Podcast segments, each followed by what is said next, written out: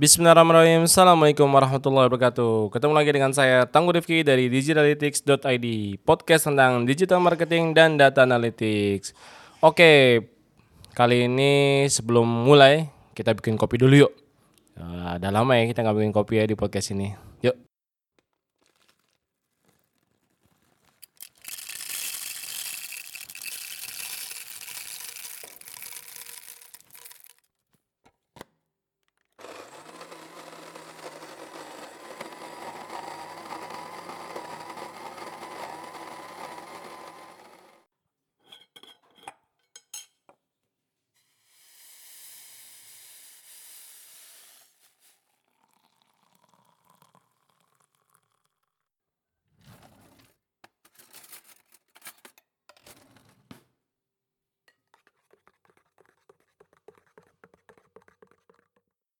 Oke, kopinya udah jadi. Kali ini saya bikin kopi tipenya yang biji langsung, saya giling, seduh. Rasanya sih rasa beda ya, beda banget. Kalau yang langsung nyeduh-nyeduh yang beli bubuk tuh. Kebetulan saya kopi ini tipe saya kopi aroma yang dari Bandung, dari Bancuy. Masya Allah, favorit saya kopi ini selalu. Akhirnya saya rekomendasikan teman-teman kantor, akhirnya pakai ini juga. Mantap. Oke, kita balik lagi ke podcast akhirnya ya ini bikin podcast juga. Setelah cukup libur lama dalam tanda kutip bingung mau ngomong apa lagi gitu kan. Karena udah mikirkan sana sini nyiapin strategi. As marketer ya pasti kebingungan ya harus ngelakuin langkah apa ya. Nah, itu dia. Jadi maka podcast ini saya bikin kira-kira apa aja yang perlu dilakukan seorang marketer di masa sekarang ini? Suka nggak suka jujur banyak marketer yang merasa dampaknya disebabkan oleh pandemi COVID-19 ini ya. Qadarullah. Wabah ini banyak mengubah plan dan alur komunikasi dengan pelanggan. Itu tuh otomatis tuh. Betul adanya yang tadinya harusnya offline, sekarang malah bisa jadi online. Tapi di saya pribadi, khusus di tim offline atau canvassing, berasa banget dampaknya. Terutama tim tim relationshipnya ke sekolah-sekolah, ke perusahaan-perusahaan. Ini luar biasa, masya Allah. Uh, ya berasa banget dampaknya ya bayangin. Yang mana biasanya ketemu langsung habis itu ada target goalnya itu salah satu adalah visit gitu atau kunjungan. Nah ini jadi keder sendiri ya. Walhasil setup lagi strategi lain lagi yang bisa dilakukan oleh tim offline ini. Tapi sebagai marketer kita tidak boleh tinggal diam yang mana peran ini harusnya membuat perusahaan tetap bisa beradaptasi dan bertahan. Ya ini tugasnya seorang marketer. Istilahnya membersamai suatu perusahaan atau suatu bisnis, marketer itu harus ngapain, membuat perusahaan ini ngapain gitu ya. Jujur, di rumah aja kali ini beda sama kalau lagi kerja seperti biasa ya. Ya kerja di rumah. Misalkan kita hari biasa lah, normal tiba-tiba pengen kerja di rumah. Itu beda rasanya dengan yang sekarang kerja di rumah. Akhirnya udah uh, sampai kurang lebih hampir minggu ketiga ya. Karena memang situasinya berbeda. Walhasil paling cepat adalah yang sekarang dilakukan untuk saya pribadi ya atau mungkin bisa diterapkan di teman-teman tim non sales dijadikan sales gitu dan yang belum terbiasa jualan diajak bantuin tim marketing membuat konten-konten. Ada beberapa tim yang urusannya produs, bikin produk, istilah bikin konten atau tim multimedia yang mereka memang nggak ada hubungannya sama jualan ya. Mereka tim-tim R&D yang mikirin harus bikin apa sesuatu gitu kan. Nah ini kita kembangkan karena kekreatifan, kekreativitasan apa kekreatifan mereka itu kita bisa bantu bikin konten-konten. Nah ini marketer tidak boleh kehabisan strategi. Kudu ada aja yang dikerjakan dan dipikirkan. Cari cara agar perusahaan bisa survive ya. Jadi Allah insya Allah tidak serta-merta menguji hambanya melewati batas kemampuannya. Jadi sudahkah kita berusaha semaksimal mungkin untuk survive gitu. Oke, selanjutnya bersiaplah untuk berkembang setelah yang terburuk ini berakhir. Jadi di tengah wabah ini kita terus bergerak semaksimal mungkin. Saat wabah ini lewat, kita sudah tahu apa eh, kita sudah tahu harus ngapain. Oh, jadi kita preparing lah. Sekarang itu suka nggak mau kita harus bergerak dan saat ini sudah lewatin kita sudah tahu harus ngapain. Kalau di baratin atlet mah kita udah siap-siap pemanasan terus ya latihan berbulan-bulan cuman satu kuncinya tinggal nunggu aja kapan lombanya ini datang. Ya setahun sekali gitu kan. Seperti itu kurang lebih. Ada beberapa langkah marketer yang bisa dilakukan. Pertama coba bertindak gesit dan luas. Tapi jangan kerasa gerusuk. Nah ini nih. Hati-hati di tengah-tengah sekarang jarang lah yang uh, gerakannya itu masif ya. Kalau jalanin campaign gitu kan atau melakukan sesuatu mereka pasti lihat keadaan lihat sikon harus ngapain nih? Duit duit something apa nih gitu kan. Bisa diterapkan dengan pola OODA atau disebut dengan ODA ODA loop. Itu ada observe orient decide act. Nah, ini untuk detailnya bisa cek aja di Google, pasti banyak lah atau di Wikipedia. Yang pertama, mungkin saya jelasin singkat ya. Oh, pertama itu observe alias amati. Ya, biasanya marketer itu mainannya data. Jadi lihailah dalam analisis dan lihat pergerakan behavior user itu ke mana. Coba oprek-oprek lagi data yang kita punya atau yang Anda punya. Ya mungkin data ini belum pernah dibuka atau dipakai. Saya mungkin juga ada juga beberapa data yang nggak pakai. Misalnya channel kita menggunakan WA. Nyata ada beberapa pernah kita testing menggunakan email, mereka juga subscribe. Nah, tapi kan subscribe email ini tidak pernah digunakan, didiamkan aja. Nah, contohnya data yang lama tadi email. Nah, ini bisa dicoba untuk ditawarkan produk atau ditanyakan keadaannya. Kita kering lah terhadap customer kita. Mungkin atau ada tools yang jarang dipakai, semacam social listening, dan ini bisa dipakai juga. Dan mulai perhatikan user secara geografis. Karena perihal karantina wilayah di Indonesia ini ya, jadi kita memperhatikan uh, user di daerah-daerah tertentu mereka lagi seperti apa behavior. Contohnya kita di kota besar ya, contohnya saya di Depok, apalagi Jakarta, behavior mereka udah udah benar-benar dijaga pemerintah lah, udah benar-benar bisa dibilang tinggal siap-siap lockdown gitu kan, udah benar-benar social distancing lagi dan lain-lain. Tapi kalau di daerah-daerah yang masih jauh dari data yang masih minim ya masih ramai aja di luar. Ini saya pribadi kalau keluar di Depok ini jam 9 udah sepi banget dan itu ngerasa aneh gitu kayak pulang ke kampung ya. sepi banget. Mungkin ada peraturan pemerintah yang mengharuskan tutup lebih awal ya. Oke yang kedua. O yang kedua itu orient atau prioritaskan. Jadi setelah mendapatkan data-data yang tadi yang eh, kita mau yang mau digunakan nah habis monggo dianalisis. Analisis di sini bertujuan menentukan KPI ulang dari yang sebelumnya menjadi yang sekarang. Oke. Jadi kita menentukan set goal flow-nya harus ngapain, KPI ngapain nih sekarang.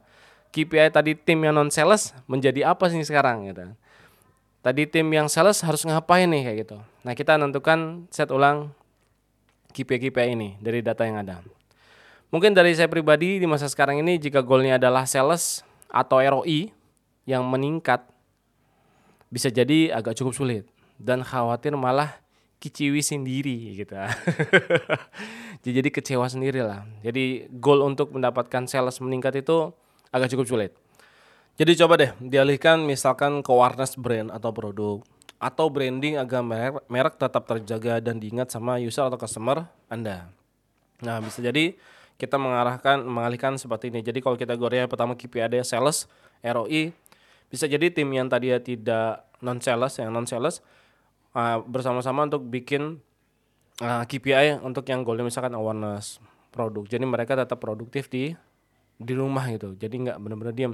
Orang diamnya aja itu yang biasa kerja tiap hari berangkat ke kantor, tiba-tiba diam di rumah tiga minggu itu luar biasa bingung, pasti pusing banget. Harus ngapain nih? Miliki goal apa gitu. Jadi nggak ada nggak ada nggak ada passion dalam dirinya gitu. Nggak ada kayak, aduh gue kayak nggak perlu banget ya. Nah itu harus kayak gimana gitu. Nah, yang kedua, yang ketiga, itu decide atau putuskan. Nah, otomatis jadikan rumusan dari data yang ada dan sudah menganalisisnya. Kemarin uh, saya baru meeting dari semua divisi. Jadi ngomong kudu ngapain nih gitu. Ya wis seperti yang saya bilang, coba cara-cara yang bisa menumbuhkan dan menjaga perusahaan. Tetap existing di hati, di hati customer. Caranya ya tetap hadir dan muncul di feed mereka contohnya seperti itu. Jadi marketer uh, memberikan insight kepada tim-tim uh, ayo kita putuskan harus ngapain nih? Kita ngapain nih di rumah gitu kan. Ya udah saya bilang coba cara saya menumbuhkan dan menjaga perusahaan tetap existing di hati customer. Jadi nggak tiba-tiba kok nggak ada gak ada kabarnya ya? Ini kejadian kan benar-benar lockdown, beneran down semua udah drop gitu kan, tutup itu kan. Yang dikhawatirkan seperti itu. Kemudian yang keempat yaitu A, act atau action. Di hal ini diperlukan kecepatan dan action yang jujur. Karena di saya pun udah brief ya, brief gitu kan, meeting gitu. Nah, video conference gitu kan, meeting online. Pas mau action, yo ngaret-ngaret aja gitu. Karena nggak terbiasa dengan task yang online ini gitu. Terlebih bukan job desk-nya diberikan ke dia. Nah, ingat tadi KPI tadi itu bisa jadi bukan job desk-nya dia. Tapi kita set ulang seperti ini, kita briefing kayak istilahnya kalau kita briefing, istilahnya biasanya kita ngerjain lab, ya bisa kita ngerjain sebagai cleaning service, membersihkan ruangan. Tiba-tiba saya suruh bantu untuk bikin campaign. Ayo kita bikin campaign sosial media. Wah ya pusing buat apa nih? Aduh gimana nih?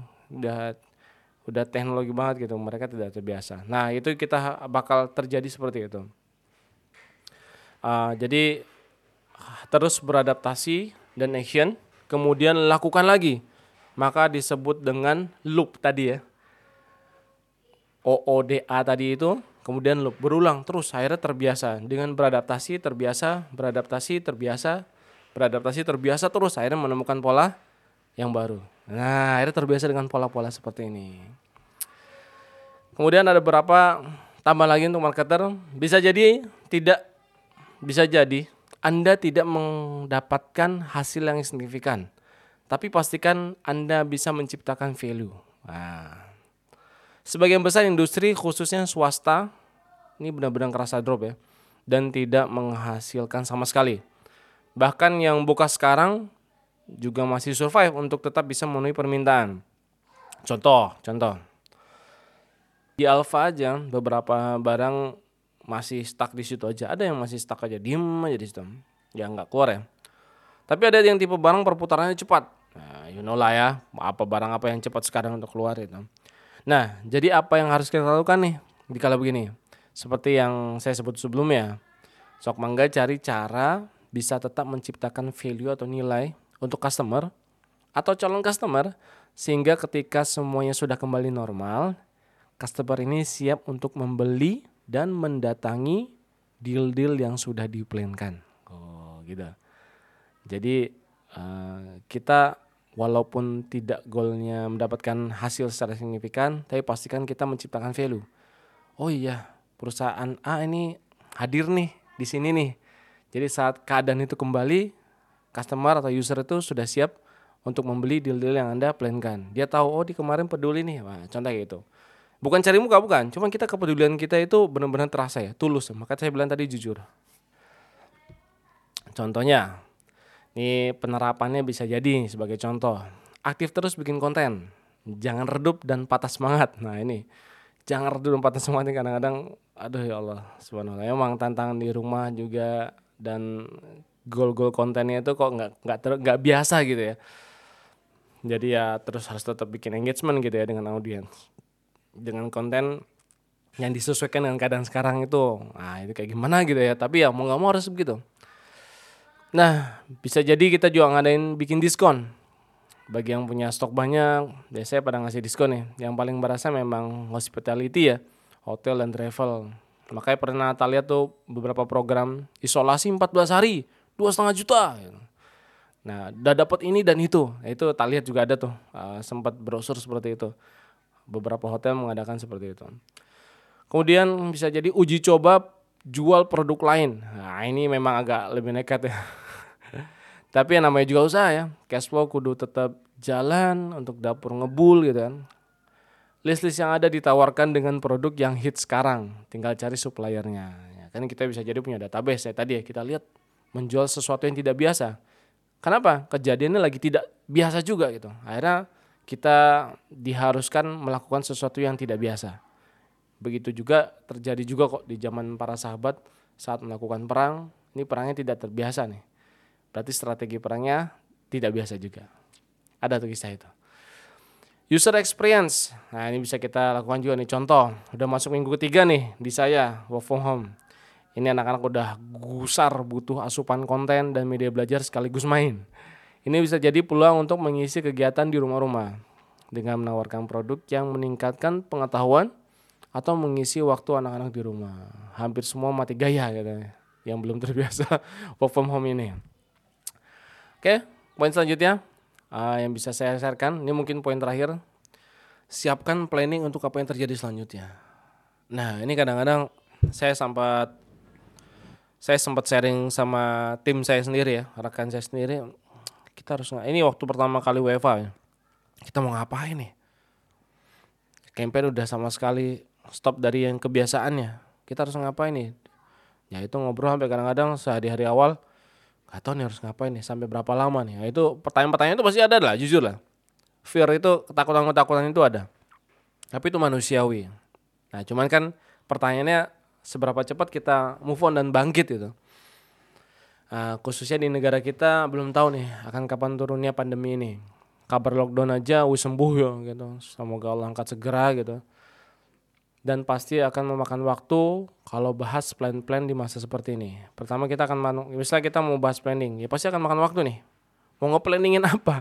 Gimana enggak gitu Plan yang di setup kadang nggak tahu akan untuk apa dan sampai kapan. Bayangin kita bikin plan tapi nggak tahu harus ngapain nih.